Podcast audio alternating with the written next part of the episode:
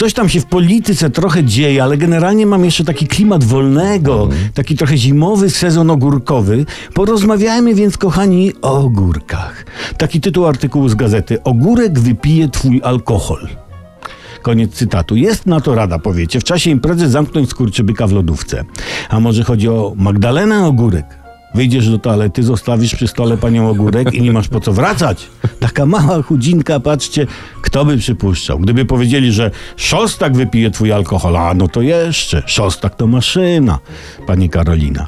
Ale nie, nie, to nie to. Doradzają w gazecie, że jeśli pochlałeś, pochlałaś ostro i cera przypomina ceratę starą w barakowozie na, budowę, na budowie socjalistycznej, a twoja twarz ma wyraz, który zwykle wykro, wykropkowuje się w kulturalnym tekście, no to tak piszą, wystarczy położyć na szanowne oblicze plasterki ogórka i stara cerata zmienia się w świąteczny obrus.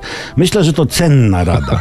Myślę, że to cenna rada, szczególnie jeśli będą to plasterki ogórka kiszonego. Wtedy pod ręką mamy zakąskę pod klina, prawda? Kielonek i ogóreczek z twarzy. Położysz na ogórka kawałek śledzika, grzybka marynowanego i wystarczy mrugnąć okiem i zakąseczka wpada sama do ust.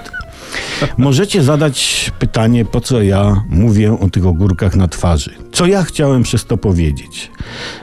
Jedną bardzo ważną rzecz, a mianowicie, żeby uważać na to, co robimy. Jest to sformułowanie na tyle słuszne i ogólne, że nie, nie podzieli narodu. I, I o to właśnie mi chodziło. O to właśnie.